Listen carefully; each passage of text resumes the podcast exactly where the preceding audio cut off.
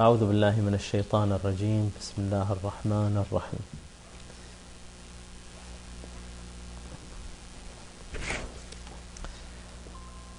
قبل لا نبدأ في بس مقدمة بسيطة.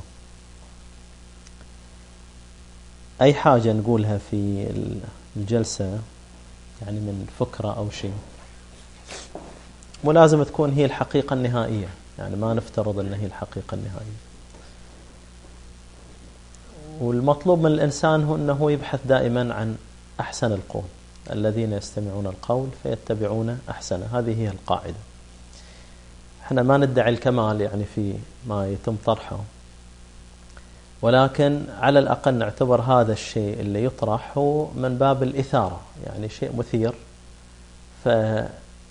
فيظل مسؤولية كل إنسان أنه يبحث عن أفضل وأحسن القول فيما سمع. بس الشيء الأكيد والمتأكدين منه أن الكتاب القرآن آه، هو الأساس في الدين. وأن واجبنا أن إحنا نتمسك بهذا الكتاب.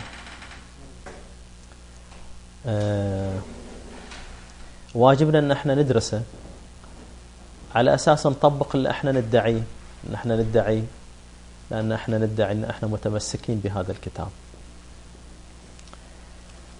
كان كلامنا عن في الجلسات السابقة عن مرضى القلوب ووصلنا إلى آية ما بعوضة ففهمناها على منحى معين.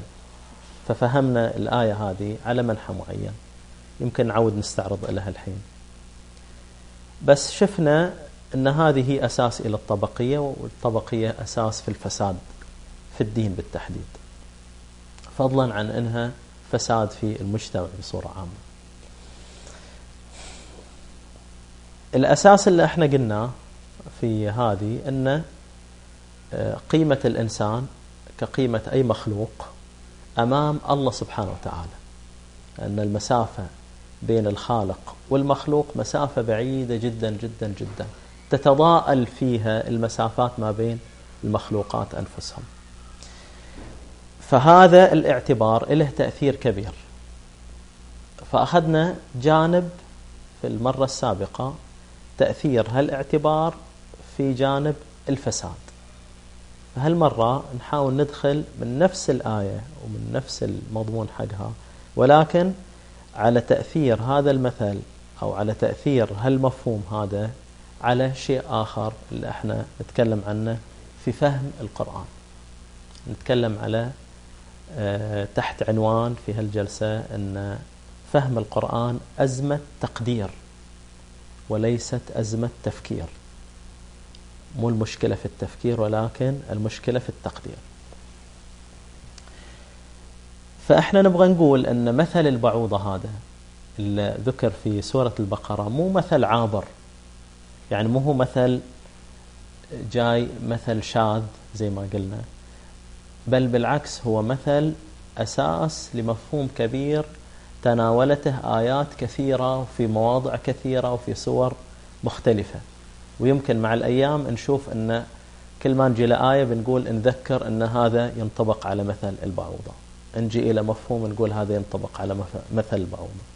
وأكثر وأكبر شاهد عندنا هو هذه يعني إحنا قلنا أن مثل البعوضة له تأثير في الفساد واليوم نقول له تأثير في فهم القرآن. كمقدمة عشان نفهم آه، كيف أن هذا المثل وفهم هذا المثل له تأثير في فهم القرآن نقول هالمقدمة البسيطة الآن. أن الناس بصورة عامة عندهم اعتبارات مختلفة أو رؤى مختلفة في الحياة بناء إلى اعتبارات مختلفة عند كل جماعة. يعني إحنا ما قاعدين نسير في الحياة بمنطق واحد ولا بعقلية واحدة. كل واحد عنده رؤية الرؤية هذه تأثر عليه من داخله فيتمسك بالمنطق اللي يلائم هذه الرؤية واللي يلائم هذا التوجه. وكل إنسان تنبني رؤيته حسب الاعتبارات اللي هو يشوفها إلى نفسه. أنا من هو؟ وإيش قيمتي؟ والناس اللي قدامي منهم؟ وإيش قيمتهم؟ فإذا شاف روحه هو على درجة عالية جدا تنبني على أساسها منطق معين. إذا شاف روحه آه، بمستوى أقل تنبني على أساسها منطق ثاني. وهكذا.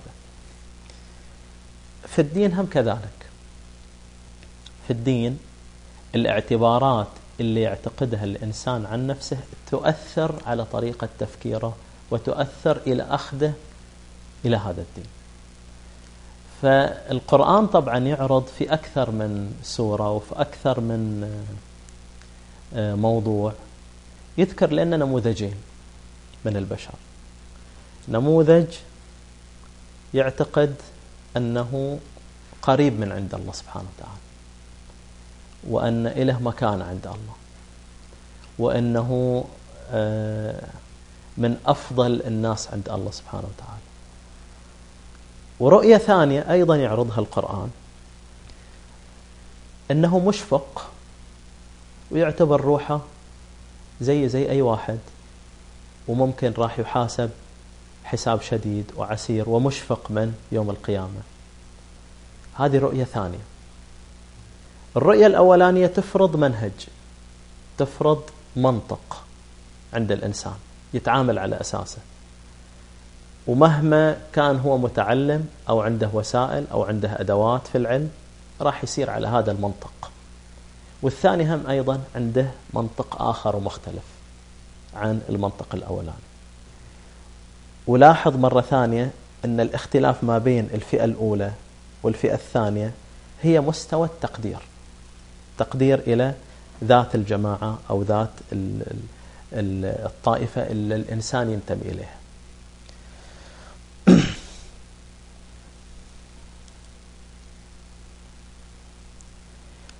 طيب بنشوف إحنا كيف هذا المنطق يأثر في أخذ الدين.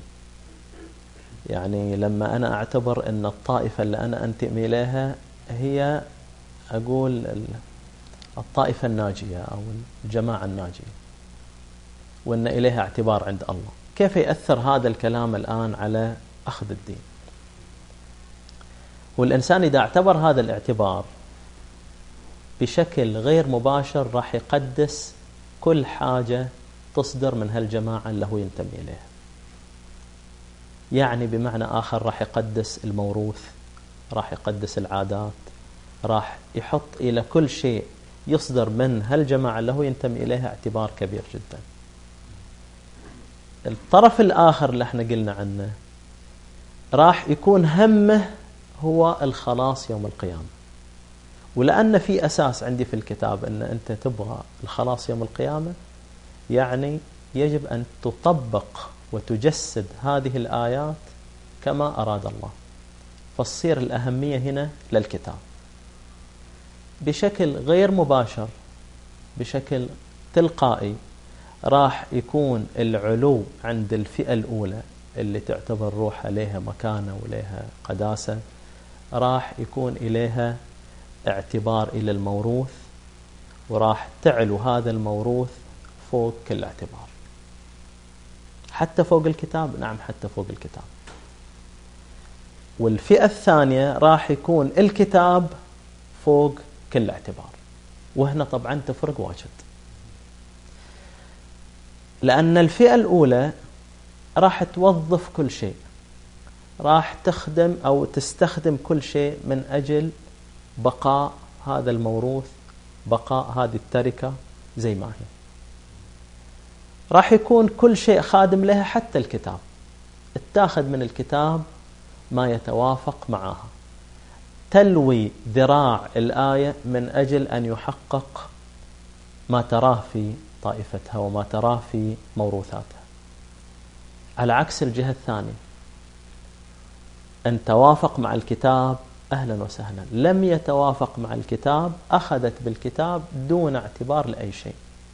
الكلمة تقال ولكن لا تطبق. نضرب به عرض الحائط. الكلمة هذه تقال. أن نضرب بما لا يطابق الكتاب عرض الحائط هذا اللي المفروض يصير. ولكن كواقع كعملي ما يصير. ناخذ وقت طويل من أجل إثبات شيء لا أصل له في كتاب الله.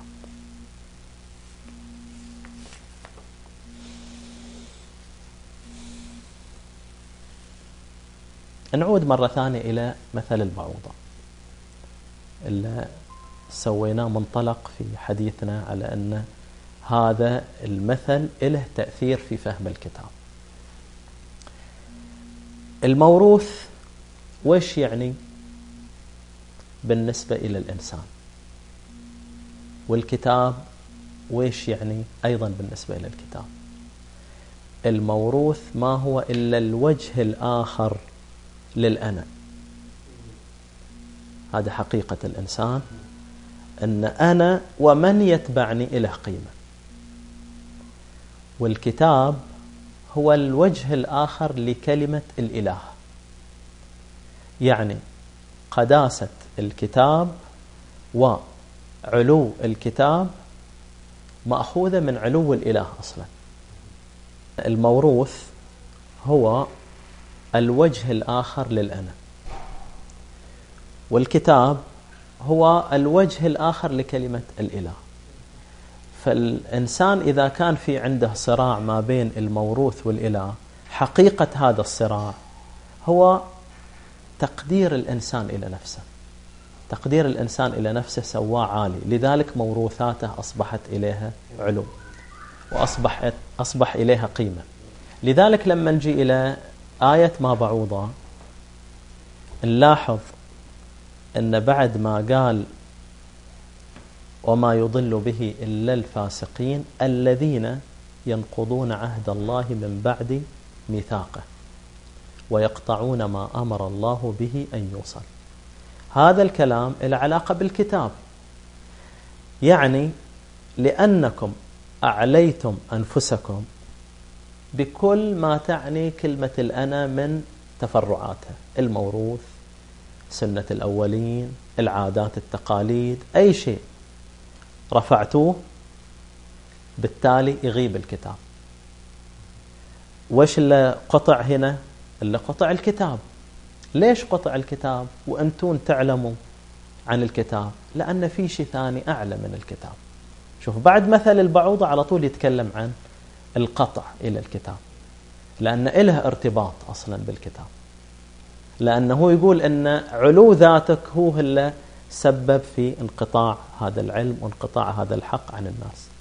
أنت رفعت ذاتك أنت رفعت نفسك يعني بمعنى آخر الوجه الآخر للذات الوجه الآخر للأنا أنت رفعت موروثاتك فوق. وبشكل طبيعي إذا ترفع موروثاتك فوق يغيب الكتاب. وينقطع ما أمر الله به أن يوصل. اللي هو آيات الكتاب يجب أن تصل إلى الناس. وبشكل آخر أنتم نقضتوا العهد اللي بينكم بين الله سبحانه وتعالى في أن لا تقولوا على الله إلا الحق وأن تتمسكوا بالكتاب. أخذنا عليكم عهد في هذا المجال ولكن أنتم نقضتوا هذا العهد بتمسككم بموروثاتكم وسنة الأولين.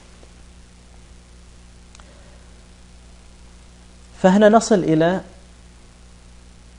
تفسير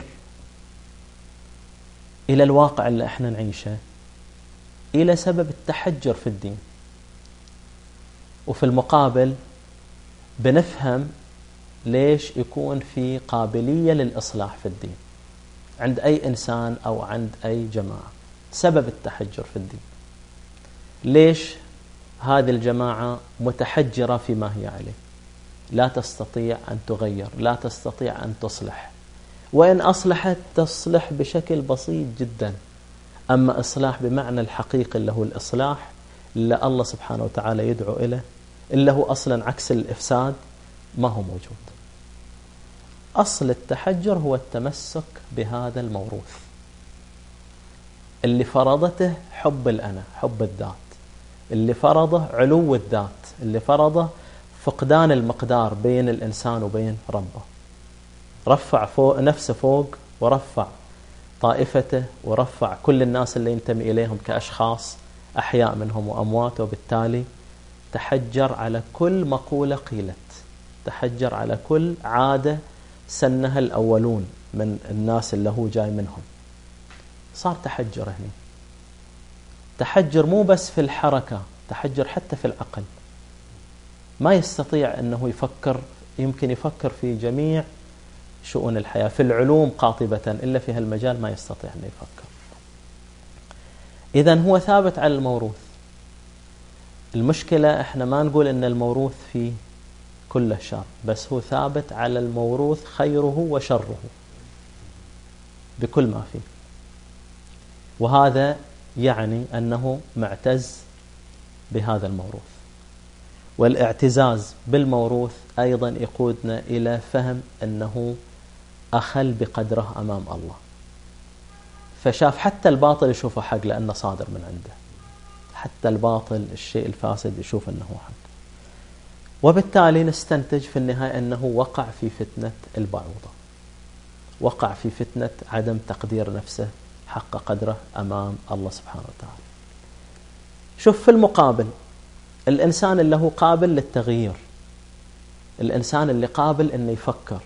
الإنسان اللي يقول آه، يستمع القول فيتبع أحسنه. وش السبب في وش السر في هذه القدرة؟ السر إليها أصل. رجعها إلى أصلها بتشوف أنه جعل الكتاب السماوي هو المرجع الحقيقي والوحيد في الدين. لأن الكتاب السماوي يحمل الإنسان مسؤولية نفسه على عكس الموروثات. لا تفكر فالموروث يفكر عنك. وإيش اللي يخلي لو نرجع إلى هذا الأصل وإيش اللي يخلي هذا الإنسان جعل من هذا الكتاب أعلى من غيره؟ هو إيمانه الحقيقي بهذا الكتاب. الإيمان الحقيقي بهذا الكتاب.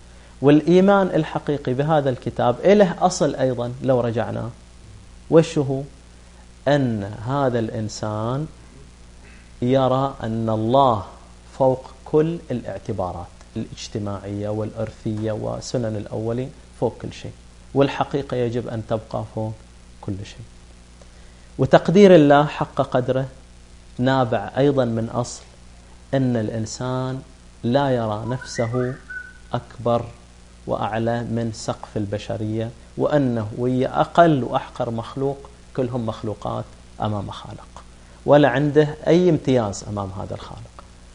ما إله أي امتياز يجي يوم القيامة وهو يشعر أن عندي أنا بالتحديد بطاقة خاصة أقدمها إلى الله سبحانه وتعالى. ما عنده.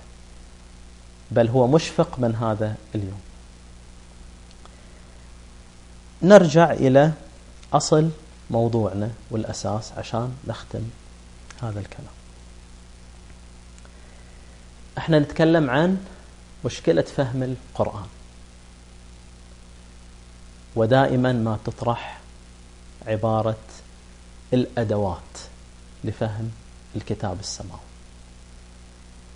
إحنا في بهذا المنطق لا نلغي الأدوات وضرورة وجود الأدوات. بجميع أنواعها العلمية وجميع أنواعها الفهمية. ولكن يجب تصحيح الاعتبارات قبل السعي في استجلاب الأدوات. الاعتبار قبل. صحح أول اعتباراتك. أوضع نفسك في الموضع الصحيح أمام الله سبحانه وتعالى. وحط هذا الكتاب في مكانه الحقيقي بعد ما تعرف قدر نفسك وتعرف قدر الله عشان تعرف قدر هذا الكتاب حطه فوق وبعدين جيب الأدوات. لأن في النهاية العقل خادم الضمير. فأنت وش تعتقد داخل نفسك؟ عقل عقلك راح يخدم هالشيء اللي أنت تعتقد فيه. وهالاعتبار اللي أنت حاط له أنت حاط اعتبارات كثيرة إلى نفسك. عالجها أول. الاعتبار الصحيح وبعدين تعال بالأدوات. لأن المعركة اللي دائرة ما بين الأحزاب الأحزاب أقصد الأحزاب اللي الله سماها أحزاب في الدين فاختلف الأحزاب من بينهم هي للاعتبارات فقط. أنا اعتباري أني أعلى منك فلذلك أدافع عن هذا الاعتبار. وأنت في اعتبارك أنك أعلى مني فأنت تدافع عن هذا الاعتبار. إحنا نبغى سلوك إلى الحقيقة سلوك إلى النجاة. إذا كان في جنة ونار إذا كان في آخرة إذا كان كلنا إحنا راح نوقف قدام الله يوم من الأيام للحساب. هذا الهدف اللي إحنا نسعى إليه.